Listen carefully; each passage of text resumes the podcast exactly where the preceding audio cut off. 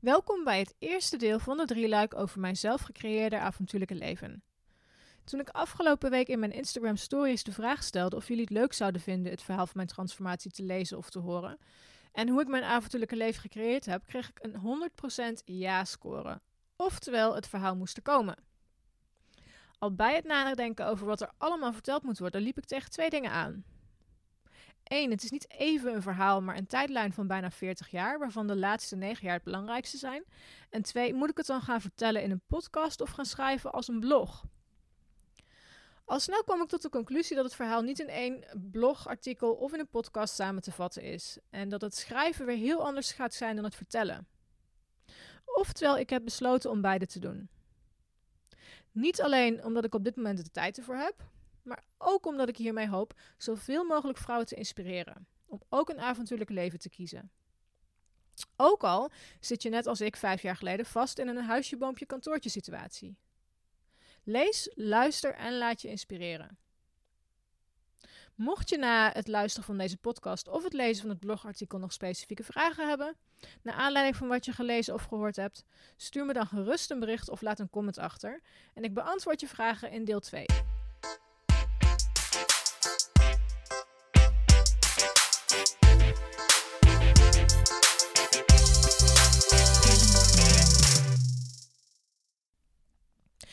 Werd in 1980 geboren, maar ik was vier weken te vroeg en kwam in de couveuse terecht. Of dit ermee te maken heeft gehad dat ik als kleine meid vrij vatbaar was voor van alles, weet ik niet. Maar mijn gezondheid was in mijn jonge jaren allesbehalve optimaal. Ik had zware astma, nauwelijks adem en was zo broos dat mijn ouders met regelmaat dachten dat ik zou breken. Toen ik vier jaar was, namen ze mij mee naar de bergen, naar Oostenrijk om precies te zijn. Mijn moeder had me beloofd van tevoren dat de bergen heel hoog zouden zijn. En toen we aankwamen, schijn ik geroepen te hebben: Nou, dat is ook niet hoog hoor. Vanwege de schone berglucht leefde ik enorm op en werd ik weer een normaal kind. Ik ging eten, rende over bergpaadjes en, nog belangrijker, ik kon weer ademen. In de jaren die volgden gingen we met het gezin, inmiddels waren er ook een broertje en zusje bijgekomen, elk jaar op zomervakantie naar Oostenrijk met de auto, soms wel drie weken. Ondanks dat we altijd naar de bergen gingen, maakten we geen enorme bergtochten. Een uurtje of twee wandelen soms, maar dat was het ook wel. Ook was ik niet heel sportief in die tijd. Mijn stijfheid zat aan mijn vaders kant en mijn angsten voor alles aan, die aan de kant van mijn moeder. Ik vond veel eng, niet leuk en vooral heel stom. Het liefst was ik aan het knutselen of gewoon een boek aan het lezen. Mijn ouders zijn allebei ook niet heel sportief en avontuurlijk en ik kreeg het vanuit huis ook niet mee. Kamperen, grote wandeltochten maken en avonturen bleven werden me echt niet met de paplepel ingegoten. Wat ik wel vanuit huis heb meegekregen was mijn wanderlust. Mijn vader, die 52 was toen ik geboren werd, had als soldaat in Indië gezeten en was na zijn uitzending meermaals teruggereisd naar de Gordel van de Smaragd. Omdat hij tot laat in zijn leven vrijgezel was, maakte hij prachtige reizen, vooral voor die tijd. Hij bezocht onder meer Kenia en Tanzania, ging naar Rusland en bezocht Thailand omdat reizen toen allesbehalve normaal was, boekte hij zijn reizen bij een Duits reisbureau en vloog hij meestal vanaf Frankfurt. Simpelweg omdat het vanuit Nederland niet kon. Hij had dan ook altijd de mooiste verhalen. Zo zat hij een keer in een bar op Bali naast een Nederlandse actrice, ergens in de jaren tachtig. Ze raakte aan de praat en ze vroeg, hem, ze vroeg hem: Maar weet je dan niet wie ik ben? Het bleek Monique van de Ven te zijn. Ook mijn oma van mijn moeders kant ging vaak op reis. Haar man, mijn opa dus, was toen ik al klein was gestorven. En daarom ging ze vaak met georganiseerde busreizen mee, samen met haar vriendinnen. Ze nam altijd aanzichtkaarten voor me mee. En die van de Eiffeltoren hing jarenlang boven mijn bureau op mijn kamer. Als ik later groot was, zou ik ook gaan reizen. Ik wist het zeker. Geld om te vliegen hadden we niet, maar in de herfstvakantie van 1991 gingen we als uitje een dagje naar Schiphol. Ik keek mijn ogen uit. Naar alle vrouwen in blauwe pakjes met rolkoffers. Naar de vliegtuigen. Naar alle borden met bestemmingen wereldwijd. Nu wist ik het zeker, dat wilde ik ook. Het was echter pas in 2000 dat ik voor het eerst ging vliegen. Ik had nooit verwacht dat ik vliegen eng zou vinden en besloot dus al meteen dat ik absoluut geen stewardess wilde worden. Mijn ouders scheiden halverwege de jaren 90 en ik besloot dat ik bij mijn vader wilde wonen. Dat was destijds een ongebruikelijke keuze, maar mijn moeder verliet ons gezin omdat ze op een andere man verliefd was geworden. Mijn vaders antwoord daarop was dat hij zichzelf wat aan zou doen als ze hem zijn kinderen ook nog eens zou afnemen. Pas nu zie ik in dat het helemaal niet oké was. En dat wij een keuze hadden moeten krijgen. Maar goed, dat was in de jaren negentig anders dan nu. Een echte keuze hadden we toen dus niet. We bleven bij mijn vader wonen. Daarbij wil ik nog opmerken dat mijn vader altijd het beste voor ons voor heeft gehad. Ons het allerbeste heeft gegeven en dat ik hem daar eeuwig dankbaar voor ben. We waren niet rijk, maar gingen elk jaar wel een keer op vakantie. Ik kon een toeristische opleiding doen en hij had het beste met ons voor. En belangrijker nog, hij ondersteunde elke beslissing die ik nam in het leven. In het jaar 2000 ronde ik mijn toeristische opleiding af en kon ik direct aan de slag bij een traditioneel reisbureau. Alhoewel ik een fijne tijd heb gehad en vooral veel leerde, wist ik al snel dat ik meer wilde dan vakanties naar Spanje en Turkije verkopen. Ik besloot na een jaar mijn baan op te zeggen en te kiezen voor een callcenterjob die twee keer zo goed verdiende. Ik had in 2001 namelijk mijn eerste verre reis ooit gemaakt. Ik ging naar Florida om een vriendin op te zoeken die daar stage liep. En ik had de smaak flink te pakken. Ik heb toen geroepen: vanaf nu ga ik elk jaar een verre reis maken. En zo geschiedde. De mensen van mijn generatie herinneren zich wellicht nog dat het destijds het backpacken in Australië een enorme vlucht nam. Misschien had ik ook wel een beetje een tunnelvisie, maar als je destijds ging backpacken, was dat vaak richting Australië. Ik was al sinds jaar en dag fan van series als The Flying Doctors en Heartbreak High en ik wilde dus ook naar Australië. Een jaar later sparen had ik genoeg voor een half jaar om naar Australië te gaan. Ondertussen had ik ook mijn toenmalige vriend leren kennen. In 2000, 2001 ging hij een half jaar in Finland studeren en alhoewel ik hem enorm miste, gunde ik het hem ook van harte. Ik zou immers een jaar later zelf op reis gaan naar Australië voor een half jaar. En ik weet nog heel goed dat een oud collega van het reisbureau me op het hart drukte om ook echt te gaan. Zij had namelijk ooit voor de liefde gekozen en nu was ze een huwelijk, een koophuis en twee kids verder en die grote reis zou er niet meer van komen. In september van 2002 was het zover. Ik stapte op het vliegtuig naar Australië, met een stopover op Bali. De vriendin met wie ik zou reizen, dezelfde vriendin als die, die ik in Florida was wezen opzoeken, was al in Australië en wachtte op me in Darwin. Twee maanden reisden we rond en in november vloog ik naar Nieuw-Zeeland, waar mijn toenmalige vriend ook naartoe zou komen. Mijn vriendin bleef in Australië en zou ik later weer zien. Aangekomen in Nieuw-Zeeland werd ik al meteen herinnerd aan de bergen, de sneeuw, de kristalheldere meren en mijn liefde voor de natuur, die ik als vierjarig meisje ook al in Oostenrijk had ervaren. Hier maakte ik ook voor het eerst kennis met het hiken. Alhoewel we toen niet heel veel wandelden, kwamen we er wel achter dat veel mooie plekken in Nieuw-Zeeland slechts te voet bereikbaar zijn en dat wandelen, oftewel tramping zoals ze het daar noemen, een way of life is. Eenmaal thuis maakten we die zomer erop onze eerste meerdaagse trektocht door de, door de Ardennen. Een stuk zwaarder dan ik ooit had durven dromen, maar zo gaaf. Dat smaakte naar meer. In de jaren die volgden maakten mijn vriend en ik talloze mooie reizen die vaak in het teken stonden van hiken. Zo deden we de weetrek in Patagonië, de Lago Vega op IJsland, de Inca Trail in Peru en de Overland Trek op Tasmanië. Dit was ook het moment waarop ik besloot dat ik nogmaals op wereldreis wilde, voor een langere periode. Ik postte bij mijn vriend, maar hij wilde niet. Hoe ik het ook voorstelde, hij zag het niet zitten om voor een langere tijd op reis te gaan. Hij keek dan ook vooral naar de praktische kant, dus wat te doen met ons koophuis en onze pensioenen en onze banen. Uiteindelijk besloten we in 2011 een reis van zes weken te maken naar Nieuw-Zeeland. Bij uitzondering kreeg ik dit op mijn werk voor elkaar. Ik werkte inmiddels bij Askia Reizen, een reisorganisatie gespecialiseerd in natuurreizen. Ik begon als reserveringsmedewerker en groeide uiteindelijk uit tot productmanager Alaska, Argentinië en Chili. Een absolute droombaan. Elk jaar bezocht ik deze bestemmingen, soms meermaals, en ik maakte de meest fantastische reizen. Soms met collega's, soms alleen. Zo reed ik eens in mijn eentje door Alaska met een dikke auto onder mijn bibs en ik voelde me zo geweldig en vrij en zo ongelooflijk stoer dat ik dat in mijn eentje aan het doen was. Ik kajakte bij de ijsbergen, ging ijsklimmen, vloog in een Cessna naar de beren en leerde in Chili sneeuwborden op de flanken van een vulkaan. Life was awesome. Maar toch bleef het knagen. Ja, ik had een leuke vriend. Een mooi en vooral ruim koophuis in een buitenwijk van Arnhem en een toffe baan. Maar toch miste ik iets. Was dit het nu? Zou ik dit de rest van mijn leven doen? Huisje, boompje, kantoortje tot mijn 67ste? Alleen bij de gedachte al werd ik steeds verdrietiger. Het was in de zomer van 2013 dat vriendin Marieke, die je ook had, uh, hoort in podcast 0, mij vroeg: Maar als je zou mogen kiezen, wat wil je dan echt? Mijn antwoord was vrijwel direct. Ik wil een schrijvende Floortje, ik wil een schrijvende Floortje Dessing worden. Mijn vriend was op dat moment op IJsland een reis aan het begeleiden. Iets wat hij elk jaar deed naast zijn vaste kantoorbaan. Inmiddels bestond mijn reissite We Want to Travel al een jaar. Maar dan gewoon met af en toe een update over onze vakanties. Het knagen kwam dan ook voort uit het maar hebben van vijf weken vakantie per jaar. Iets wat voor heel veel mensen helemaal geen issue was, maar omdat ik elk jaar een reis maakte van zo'n drie tot vier weken, bleef er, maar, bleef er maar weinig tijd over voor andere trips. En dat bleef knagen. Ondertussen zat ik elke avond naar mijn werk op Google en kwam ik er al snel achter dat er dus gewoon mensen waren, vooral internationaal, die veel geld verdienen met hun blog. Mocht je je dus ooit afvragen waarom We Want to Travel deels in het Engels is, dan is hier je antwoord. Ik ben internationaal georiënteerd begonnen. Mijn vriend kwam terug uit IJsland en ik vertelde hem over mijn plannen om van We Want to Travel een professional reisblog te maken. Hij begreep er niet zo heel veel van hoe dat dan kon en zo, maar hij hielp me met het technische deel.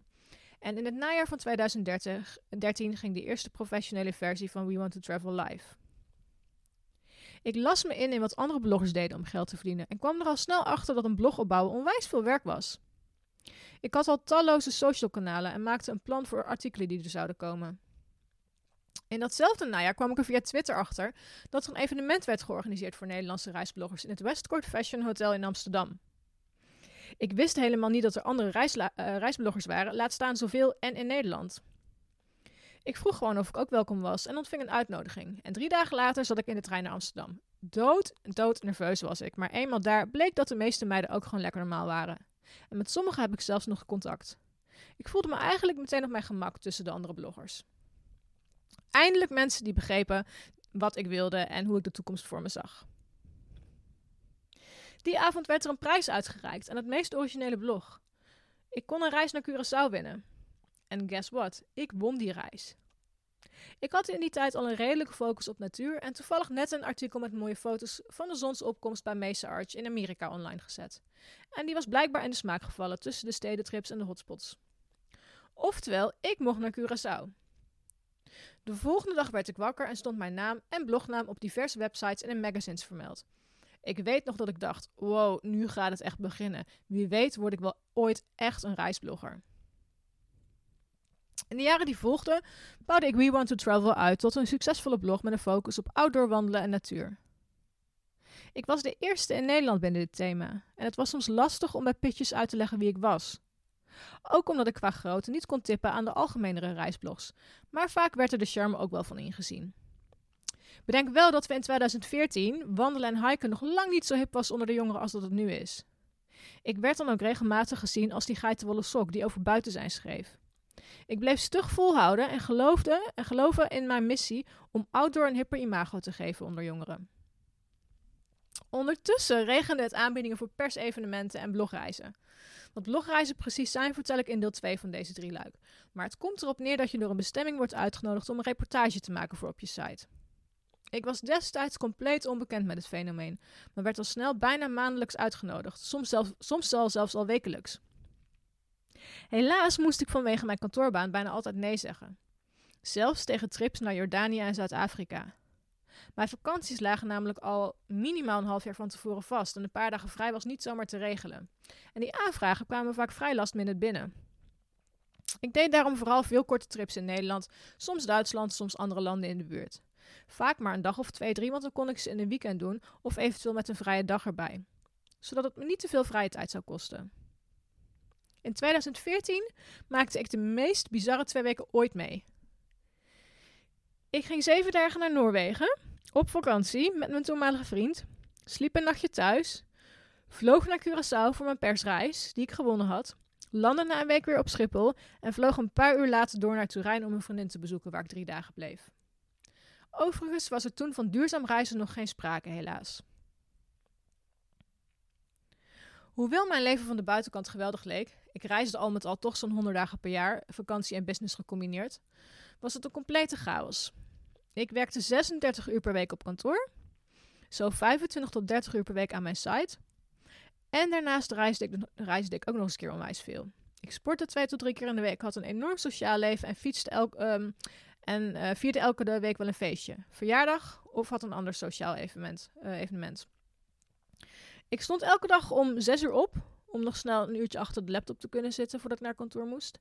En daarnaast was ik altijd aan het werk, sporten, reizen of socializen. Hoe ik dat drie jaar lang heb volgehouden, weet ik niet, maar ik kan me er nu niks meer bij voorstellen. Daarnaast ging helaas ook mijn relatie bergafwaarts. Alhoewel we We Want to Travel samen waren gestart, begon mijn vriend het steeds minder leuk te vinden. Hij mocht af en toe met me mee op persreis en ging zelfs zonder mij af en toe. Maar vooral het social media gebeuren trok hem niet. Ondertussen schreef ik een plan voor de toekomst. Ik wist niks van businessmodellen en een eigen bedrijf starten. En er was in die tijd ook weinig over te vinden. Althans, veel minder dan tegenwoordig.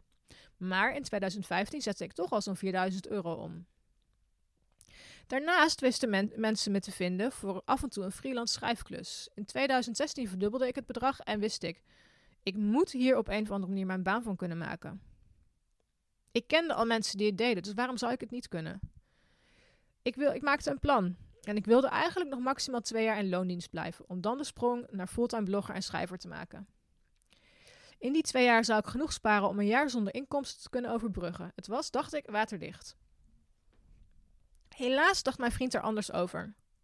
Hij vond het maar niks dat ik mijn zekerheid wilde opgeven voor een vrij onzeker bestaan. Met pijn in mijn buik en in mijn hart legde ik mijn plan aan de kant, maar het bleef sudderen. Inmiddels leerde ik ook de term digital nomad kennen en zag ik mensen om mij heen hun baan opzeggen om op wereldreis te gaan en van een blog te leven. In 2016 was het opnieuw een bizar reisjaar. Ik ging op vakantie in Tasmanië, reisde naar Canada voor Askia, ging naar IJsland in de zomer en naar een beurs in Brazilië met aansluitend een reis door Patagonië, opnieuw voor mijn werk. Tijdens de IJslandreis kwam mijn vader ten val door een aanrijding en belandde in het ziekenhuis en daarna in een revalidatiecentrum. Mijn najaar stond in het teken van hem bezoeken in het revalidatiecentrum. Ondertussen wist ik niet meer zo goed hoe ik alle ballen in de lucht moest houden en werd ik steeds ongelukkiger. Niet veel later besloten mijn vriend en ik gezamenlijk een punt te zetten achter onze relatie na 16 jaar. Omdat we meer als broer en zus waren, omdat we niet meer dezelfde toekomst voor ogen hadden en andere dingen wilden in het leven. Mijn leven stond op zijn kop. Ineens was ik als 35-jarige weer single en ging ik voor het eerst op mezelf wonen. Al snel vond ik een mooi appartement in Arnhem. En ondertussen werd ik voor mijn blog uitgenodigd om met kerst naar Zweden te komen. Daar liep ik een lichte longontsteking op van de kou, van de stress, van whatever het was dat ervoor zorgde dat ik plat ging. Inmiddels had ik op mijn werk twee nieuwe bestemmingen aan mijn portfolio toegevoegd: Australië en Nieuw-Zeeland. Ik zou dat voorjaar een maand die kant op gaan, oftewel terug naar mijn geliefde Nieuw-Zeeland. Ik kon mijn geluk niet op. Tot mijn broertje me belde dat mijn vader met ademhalingsklachten werd opgenomen in het ziekenhuis. Na talloze onderzoeken werden we verzocht op gesprek te komen. Hij zou niet meer beter worden en had nog slechts een jaar te leven. Mijn vader besloot niet meer geopereerd te willen worden aan zijn hartklep en naar een verpleeghuis te gaan. Terwijl we gingen zoeken naar een geschikte plek, zo dicht mogelijk bij zijn woonplaats, ging het steeds slechter, maar soms ook weer beter. Tot ik op een avond laat gebeld werd door een onbekend nummer. En ik voelde meteen dat er iets aan de hand was. Toen de beller zei: U spreekt met het ziekenhuis, ik heb heel vervelend nieuws voor u, wist ik het meteen. Hij was dood. Geschreeuwd heb ik, van onmacht en van het feit dat ik geen afscheid heb kunnen nemen omdat hij er zomaar tussenuit gepiept was. En ik hem nooit echt had verteld hoe enorm ik het waardeerde dat hij me altijd op mijn avonturen had laten gaan. Ook al was dat met kerst of op zijn verjaardag. Ik ging naar het ziekenhuis voor een laatste afscheid. Hij lag er vredig bij, met zijn zakdoek tussen zijn handen ingeklemd. Alsof hij had besloten dat het genoeg was. Dat het goed was zo en dat het tijd was om te gaan. Rouwen kost tijd en pijn. Ik dacht altijd: ach, mijn vader is al oud. Dus ik weet dat hij misschien niet lang meer leeft, dus misschien doet het dan ook minder pijn als hij sterft. Maar niets is minder waar. Toch wist ik mezelf door de eerste weken heen te slepen. Ik begon zelfs weer plannen te maken voor nieuwe reizen. Ik had er weer zin in. Ik keek uit naar mijn nieuwe leven. Ik boekte voor die zomer een vliegticket naar Seattle in Amerika en voor dat najaar een ticket naar Nepal. Ik was nu alleen, maar dat zou me er niet van beletten nog steeds op reis te gaan. Net voor zijn overlijden had mijn vader me wat geld gegeven en ik besloot daarvan die reizen te gaan maken. Zo zou hij het gewild hebben. Slechts enkele weken na het overlijden van mijn vader kreeg ik een telefoontje van mijn huisbaas. Ze zegde het huurcontract op. Oftewel, over drie maanden zou ik geen plek meer hebben om te wonen. Dat was het moment dat ik opnieuw instortte. Ik had eindelijk een eigen plekje gecreëerd na maanden van me nergens thuis voelen. Want ik voelde me erop recht fijn. Maar toch mocht ik er niet blijven, want ze wilde er zelf gaan wonen met haar partner. Ik kreeg een telefoontje terwijl ik op mijn werk zat. En weet nog dat ik huilend de afdeling uh, opliep. Terug, uh, terug de afdeling opliep na het gesprek. Ik was letterlijk ten einde raad. Twee dagen later ging ik inmiddels met, uh, uit eten met, met, met, met mijn inmiddels ex-vriend. We waren nog steeds bevriend en zijn dat nog steeds. En tijdens het eten zei hij ineens: Waarom zeg je je baan nu niet op? En ga je die wereldreis maken die je altijd wilde maken? Word digital nomad. Ga doen wat je hartje ingeeft. Dit is het moment voor jou. En ik begon weer te huilen. Zou dit dan het moment zijn? Het moment waar ik al jaren naartoe leefde, maar waarvan ik dacht dat het er niet zou komen? Een slapeloze nacht volgde, maar ik wist het zeker. De maandag erop zou ik mijn baan opzeggen. Twee dagen daarna ontmoette ik mijn huidige vriend. Hoe dat verliep, hoor je in de volgende podcast en lees je in mijn volgende blog.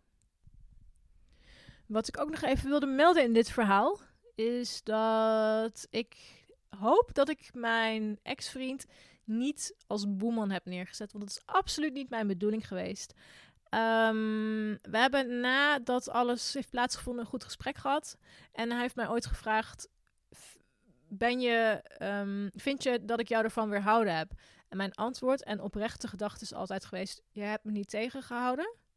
Ik heb me laten tegenhouden. Oftewel, het is altijd een bewuste keuze geweest dat ik bij jou blijf gebleven. En dat ik pas na een paar jaar durfde te zeggen van nee, ik ga de andere kant op. Dus voor iedereen die luistert, no hard feelings. Dit is hoe het gelopen is. We zijn nog steeds goede vrienden en respecteren elkaar ten volste in de keuzes die we in het leven gemaakt hebben. Hopelijk heb je genoten van deze podcast en hebben we je geïnspireerd om een avontuurlijke leven te leiden. Luister je deze podcast op iTunes, dan zou ik het tof vinden als je me 5 sterren waardering wilt geven. Wil je meer weten over mij of een van de gasten? Kijk dan op avontuurlijkevrouwen.nl en volg het Avontuurlijke Vrouwen account op Instagram. Ook is er de besloten Facebook community voor avontuurlijke vrouwen waar je kunt connecten met like-minded dames. Lid worden kan eenvoudig door een lidmaatschapsverzoek in te dienen. Voor nu bedankt voor het luisteren en graag weer tot de volgende keer.